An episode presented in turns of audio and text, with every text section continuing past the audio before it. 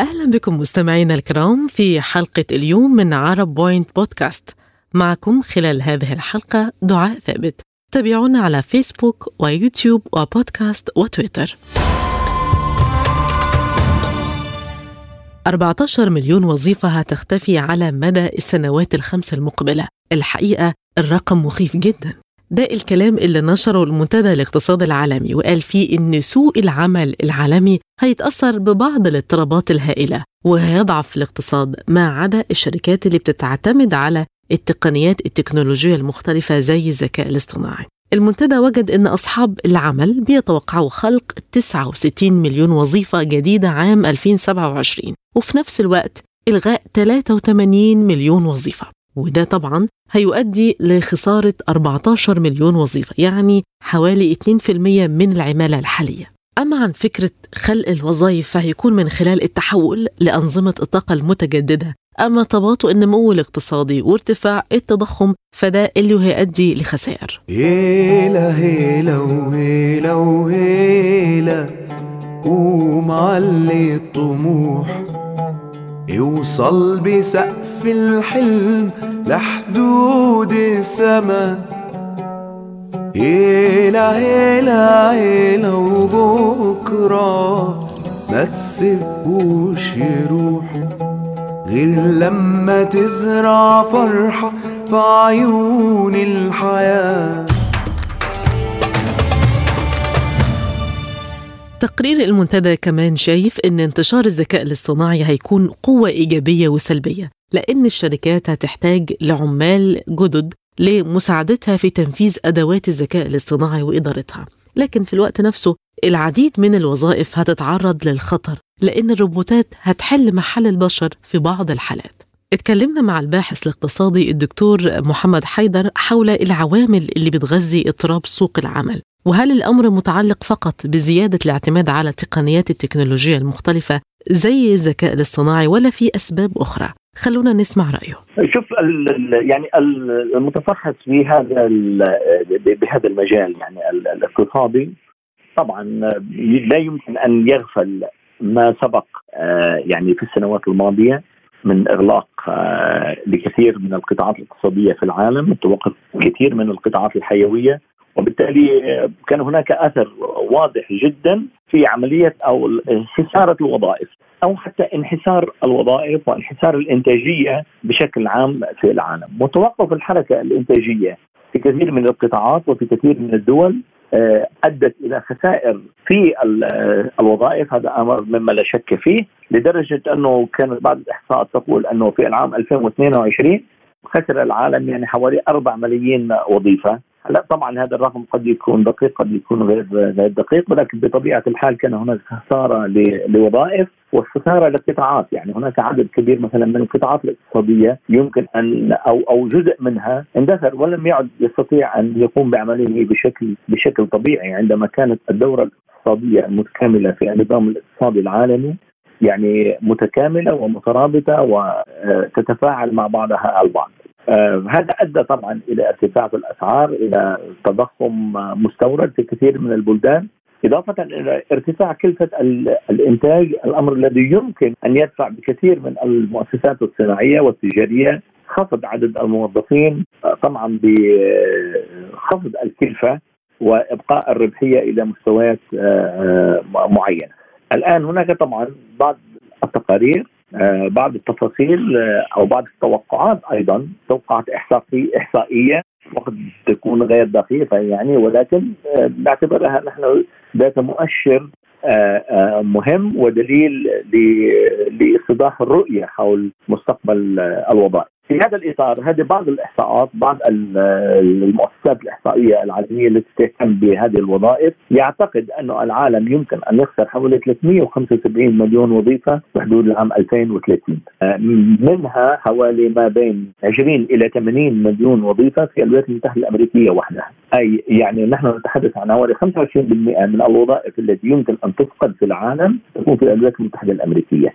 وهذا قد يعني إذا كان هناك تحليل لهذه الظاهرة. هذا يعني أنه قد يكون هناك نتيجة هذه التراجعات في قطاع الوظائف. يمكن أن يحدث بلابل اجتماعيه وقلاقل اجتماعيه ومشاكل اجتماعيه للمجتمع الأمريكي. وكذلك الأمر ينطبق على كثير من الدول حيث يمكن أن يكون هناك فيها تفصيل أكثر يعني. فبالتالي إحصائية أخرى أيضا منتدى الاقتصاد العالمي يتوقع أنه خلال الخمس سنوات الماضية يمكن أن يبلغ تراجع حجم الوظائف هو حوالي 85 مليون وظيفة لكن في الوقت نفسه يمكن أن يكون هناك قطاعات تساهم برفع مستوى الوظائف ولكن هذا لا يرقى إلى أكثر من 58 مليون وظيفة بما معناها أنه النتيجة هي خسارة 27 مليون وظيفة خلال السنوات الخمس الماضية على أقل تقدير. بطبيعة الحال هذه المسألة لا تتعلق فقط بالقطاع التكنولوجي ولا تتعلق فقط بصناعة ما يسمى مكملات آه، الذكاء الاصطناعي سواء كان من التخصصات يعني المهنية آه، القدرات العمالية من القوى العاملة أو من القدرات التكنولوجية التي هي جزء مهم جدا في مسألة الصناعة صناعة الذكاء الاصطناعي. لأنه يجب أن يكون هناك مشغلين، يجب أن يكون هناك مبرمجين، يجب أن يكون هناك من من يجمع المعلومات، علما إنه آه، آه، ارتقاء مستوى الذكاء الاصطناعي إلى مرحلة أو إلى درجة عالية جدا من التقنية الدقيقة. قد يفقد قطاعات كثيرة جدا من الوظائف. يعني عملية جمع البيانات مثلا في الماضي أو في السابق في السنوات السابقة كانت تعتمد على جهود إنسانية على جهود عمالية على جمع معلومات على تبويبها على فرز هذه المعلومات على تحليلها ضمن نظم إحصائية محددة. آه، على أشخاص متخصصين في علم الإحصاء بالنظر إلى هذه المعلومات وتحليل هذه النتائج طبقا لبعض المعايير الإحصائية أما الآن لم يعد هذا شيء ضروري جدا، بالعكس هناك انفتاح كبير جدا من جمع المعلومات بطريقة آه، ميكانيكية، يعني الآن جمع المعلومات عن طريق الوسائل التواصل الاجتماعي هي من أهم مصدر معلومات للذكاء الاصطناعي في العالم، بحيث أنه كل شخص لديه أي نوع من البرمجيات أو من التكنولوجيا المتعلقة بالشبكة العنكبوتية بالإنترنت سواء كانت من كمبيوترات سواء كانت من أجهزة حاسب مختلفة من من أجهزة تعمل في قطاعات كبيرة جدا من القطاعات الاقتصادية مثلا في حقل الطيران في حقل الخدمات في حقل المصارف. آه، في وسائل التواصل الاجتماعي هذه كل هذه الآليات التي نستخدمها آه، أجهزة موجودة من ضمن بناء هذا الجهاز. آليات تجمع هذه المعلومات بشكل يومي وبشكل دقيق، يعني أنا أتحدث معك الآن عبر هذا الهاتف يعرف تعرف شركة الهاتف أنا أستخدم هاتفي من خلالها أنه أنا أتكلم في مكالمة مع مثلا هذه المحطة من بريطانيا إلى مصر وبنسبة معينة من الزمن وقد تحلل بعض الكلمات التي أستخدمها وتضم هذه المعلومات اوتوماتيكيا آه إلى أجهزة الذكاء الاصطناعي. ويتم تحليل هذه المعلومات والمدة الزمنية والطريقة وغيره إلى آخره إضافة إلى المعلومات الصوتية التي أدلي بها أنا من خلال هذا التصريح هو من ضمن عملية الذكاء الاصطناعي وجمع المعلومات. فنقص على ذلك في كل بلد وفي كل دولة وفي كل قطاع. كم هو كم كمية المجموعة المعلومات التي يتم جمعها وتحليلها؟ هذا لو أردنا أن نقوم به يعني بشكل يدوي قد يحتاج ملايين الأشخاص. أما الآن لا يحتاج هذا الأمر إطلاقا. هو يحتاج بضعة أخصائيين برمجيات متخصصة في جمع المعلومات وحفظها في في أجهزة وتحليلها وتبويبها بطرق مختلفة قد يتعدد أبوابها إلى عشرات الآلاف من الأبواب، فلا يعني يجب أن لا نقلل من فعلا هذا التطور التكنولوجي وتأثيره على طبيعه الحياة في المستقبل، الأمر الذي يمكن أن يؤدي إلى تدمير ومحو كثير من الوظائف التي كانت في السابق، علما انه دائما التكنولوجيا نعم هي هاجس بالنسبة للناس بانها يمكن أن تحل محل آه، الطاقة العمالية أو القوى البشرية، لكن يعني من من التجربة السابقة ومنها هواجس كثير من المحللين أنه كان هناك بالعكس الإيجابيات أكبر من السلبيات التي كانت متوقعة، أنا لا لا يمكن أن أخمن في مسألة الذكاء الاصطناعي كم كيف سيكون وقعه على في المستقبل على البشرية، ولكن الماضي يخبرنا بأن التطور التكنولوجي فعلا زاد من عدد الوظائف والاحتياجات أيضا إلى وظائف أكثر مما كنا نحتاج إليه، هل يا ترى هذا التطور التكنولوجي سيجرنا إلى إلى نفس الاتجاه؟ هذا أمر يتعلق يعني بطبيعة هذا التطور التكنولوجي والتخصصات الموجودة فيه وكيف يمكن أن يتحول يعني علم الأرقام يعني إلى جانب أو إلى حيز كبير من حياتنا الماليه والاجتماعية والاقتصادية والسياسية والمالية والتجارية. آه، ولعل يعني لكي نكون دعنا نكون متفائلين بأنه كل نمو يعني في قطاع معين يمكن أن يأتي بإيجابيات آه، كثيرة للعالم. آه، وهذا أمر إيجابي طبعا هذا يعتمد على على طبيعة هذه التكنولوجيا وكيفية استخدامها في المستقبل لخلق وظائف وخلق نوع من هامش الأمان بالنسبة لمجتمعاتنا. أما إذا كان غير ذلك فهناك قد يكون هناك قلق كبير جدا ويمكن أن يؤدي إلى مشاكل كما قلت أنه مثلا في الولايات المتحدة الأمريكية يمكن أن تخسر آه، الولايات المتحدة الأمريكية كمية كبيرة حوالي 80 إلى 50 مليون آه، من آه، من من 20 إلى 80 مليون وظيفة بحلول عام 2030 كيفية هذا الحل؟ هذا طبعا يعتمد على التطور الموجود في المجتمع وقس على ذلك في كثير من المجتمعات في العالم. الحقيقة أن تقنيات الذكاء الاصطناعي هتضر بوظائف كتيرة زي صراف البنك وأمين الصندوق وموظف إدخال البيانات القديمة. ومن المتوقع أن تنخفض المهن دي بأكثر من التلت في السنوات الخمسة المقبلة. أما أعلى خسارة مطلقة للوظائف فموظفي البيانات هم الأسوأ. ويتوقع فقدان 8 مليون وظيفة في غضون خمس سنوات. يليهم السكرتارية الإدارية والتنفيذية والمحاسبة وكتاب الرواتب وكتبة الدوريات.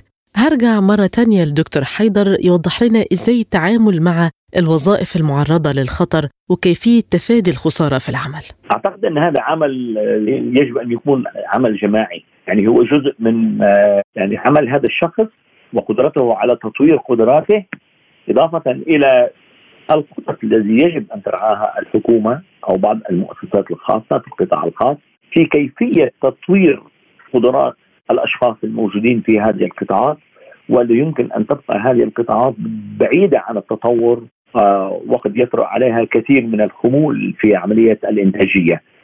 لنأخذ مثلا على سبيل المثال آه، في في علم آه، الإدارة أو الإدارة المالية أو المحاسبة الآن تطور حتى تطورت تقنيات علم المحاسبة والإدارة المالية لدرجة أنه كثير من الوظائف التي كانت في قطاع المحاسبة ومؤسسات المحاسبة لم تعد هذه الوظائف موجودة. يعني دفتر القيود اليومية دفتر الترحيل في هذه القيود من آه، آه، من من وثيقة إلى وثيقة عملية دمج العمليات الإنفاقية من عدد من الحسابات وتحويلها إلى أو تبويبها إلى حسابات متعددة.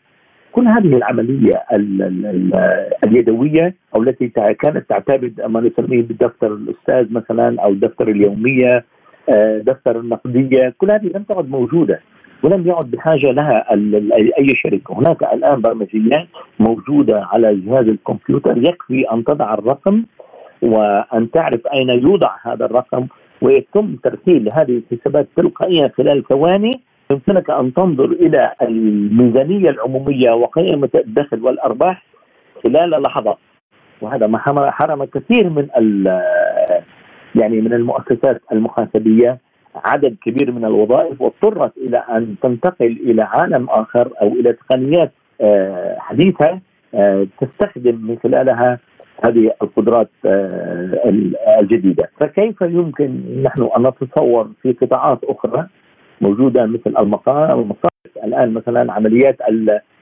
التحويل المالي والعمليات المالية التي ما نسميه بال online banking يعني العمليات التقنية الآلية الموجودة دون الرجوع إلى المصرف دون الذهاب إلى المصرف دون الحديث مع كثير من الموظفين وعملية نقل الأموال من مكان إلى آخر. أنا عندي مثلا في حسابات الشركة يمكن أن أدفع لل آه، للمشتري أو من مثلا حسابات علي. خلال لحظات يعني لم أعد أنا مضطر أن أن أعمل أو أقوم بهذا العمل بتوقيع تشيك وأعطائه للموظف ويذهب إلى البنك لوضعه في آه، في المصرف ومن ثم آه، تحويل المصرف هذا المبلغ إلى حسابي التجاري الموجود عندها، أنا لدي الآن قدرة أن أدخل على حسابي المصرفي ضمن طبعا تقنيات وأمنيات موجودة يعني لجهه الأمان. ويمكنني ان أن أحول هذه الأموال إلى الزبون أو أتلقى أموال أنا من الزبون الموجود عندي خلال ثواني. ويمكن أن تصل إلى حسابه خلال أقل من دقيقة، يعني أنا يمكن أن أدفع ثمن مشترياتي إلى هذا المتجر خلال ثواني وتنتقل من حسابي إلى الحساب الآخر، هذا التطور هو فريد من نوعه. وبالتالي طبعا له تبعات المصارف الآن تتخلص من المراكز الموجودة لديها. ولم يعد لدينا في بريطانيا مثلا عدد من الفروع يعني أكثر من خمسه أكثر من آه، أكثر من 60% من الفروع فروع المصارف انتهت ولم تعد موجودة كبناء ومكتب موجود في القطاع المصرفي. وهذا أمر طبعا له تبعاته وله نعم. سيئاته وله حسناته أيضا اذا يمكن أن نقيس أيضا على كثير من الوظائف بهذا الشكل في قطاعات مختلفة لكي نعلم أنه كيف يمكن أو ما هو شكل التحول في مجتمعنا آه وما له علاقة بالقطاعات الصناعية أو العمال أو خلق الوظائف أو النمو الاقتصادي آه أو ما له علاقة يعني بكثير من النقاط المتعلقة بتطور مجتمعنا الاقتصادي والصناعي والتجاري والمالي وغيره. اللافت إن شركات التكنولوجيا الكبرى صرحت آلاف العمال من بداية السنة رغم امتلاك بعضها لميزانيات كبيرة لكن المحرك ورا الحملة دي هو عدم اليقين الاقتصادي اللي بيدفع الشركات للمزيد من التحوط النفسيه تعبانة مدري اتلقاها من شغلي من ضيمي والعيشة حرتي وياها. هاي الدنيا ما تفهمني ولا أنا أفهم معناها. كلمه عيشه أرد الفظها بالقوة أتهجاها. عطاله بطاله ماكو غير العمالة. من زغر الحياة كبري وأني على هاي الحالة. حد بظهري خلص عمري ما ظلت غير وشالة. أني شاب وجني شايب حتى الله ما